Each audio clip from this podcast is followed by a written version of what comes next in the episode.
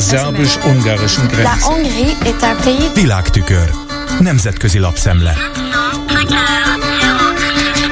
Köszöntöm a hallgatókat. Időzzünk még egy kicsit annál a világon a minap végig söprő és nem kevés megrökönyödést kiváltó hírnél, hogy ha az EU nem elég ügyes, akkor július 1-én arra ébredhet, hogy Orbán Viktor az elnöke. Legalábbis a tagállami csúcsvezetők testületének, az Európai Tanácsnak, és annak is csak ideiglenesen az idei év második felében, mert az történetesen az előre meghatározott forgásrend szerint a soros magyar elnökség periódus az unió ügyességének pedig abban kell megnyilvánulnia, hogy ha Charles Michel, a tanács jelenlegi belga elnöke a júniusi európai parlamenti választáson mandátumot szerez a vallon liberálisok színeiben, ezt a szándékát jelentette be ugyanis általános meglepetésre, akkor néhány röpke héten belül új tanácsi elnököt tudjanak választani.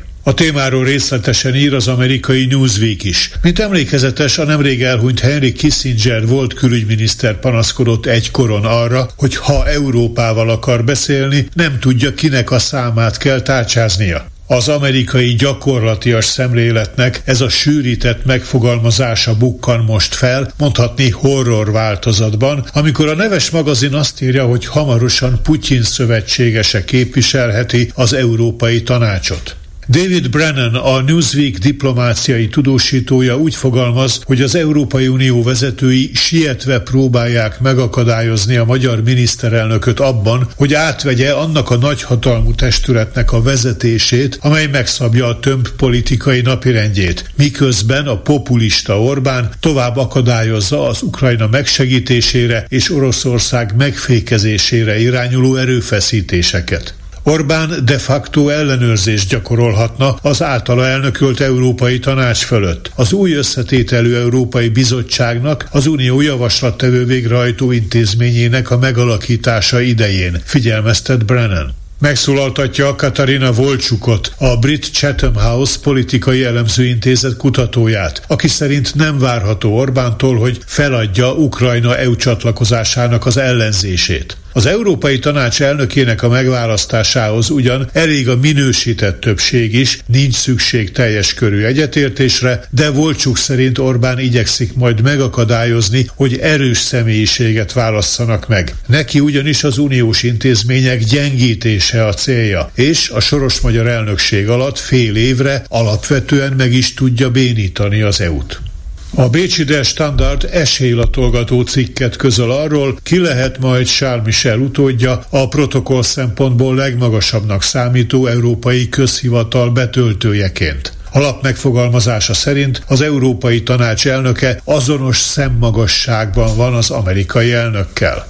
A szerző megemlíti Mark Rutte veterán holland kormányfőt, aki Michelhez hasonlóan a liberális pártcsaládhoz tartozik. De jó esélyeket ad Mário Draghi volt olasz miniszterelnöknek is. Szintén szóba jöhet három szociáldemokrata politikus, a spanyol Pedro Sánchez, a dán Mette Frederiksen és a finn Sanna Marin. Figyelembe veendő szempont ugyanakkor, hogy szintén ki kell majd választani, ki legyen az Európai Bizottság elnöke, illetve kikerüljön a NATO élére a tisztségében már többször meghosszabbított Norvég Jens Stoltenberg utódjaként.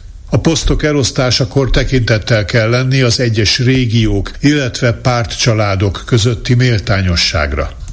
Az európai választások közelettével a radikális jobboldal csak nem mindenütt feljövőben van, írja a Lezékó című francia lap. A legfrissebb becslések szerint a jelenleg 705, a júniusi választás után pedig 714 fős európai parlamentben a radikális jobboldal mindkét pártcsaládja egyenként 80-90 mandátumot is szerezhet. A magukat konzervatív reformistáknak nevezők jelenleg 67, az úgynevezett identitáspártiak pedig 59 helyen rendelkeznek. Ha összeadjuk a két radikálisan jobboldali csoportosulás várható mandátumszámát, ami pillanatnyi állás szerint 174, akkor az csak nem ugyanannyi, mint a jobb-közép-európai néppártnak jósolt 179 mandátum. A konzervatív reformerek közt találhatók a Georgia Meloni vezette olasz testvérek nevű párt, a lengyel jog és igazságosság, amely nemrég kiesett Varsóban a hatalomból, valamint a spanyol Vox. Az identitáspártiakhoz tartozik a Marine Le Pen vezette francia nemzeti tömörülés, Matteo Salvini olasz ligája, a holland Hert Wilders pártja, valamint a német alternatíva. A Lizikó megszólaltatja a Thierry Chopin-t, a minap elhunyt Jacques Delorsról elnevezett intézet kutatóját, aki elmondja, hogy a konzervatív reformerek alapvetően atlantisták és ukrajna pártiak, míg az identitáspártiak körében ellentmondásos a Putyinhoz való viszonyulás. A francia lap által idézett becslések arról szólnak, hogy júniusban várhatóan teret veszítenek majd az európai választáson a zöldek és a liberálisok. Ez volt ma a Nemzetközi Média Szemle Kárpáti Jánostól. Köszönöm a figyelmüket. Der szerbus-ungarischen Grenze. Nemzetközi lapszemlét hallottak.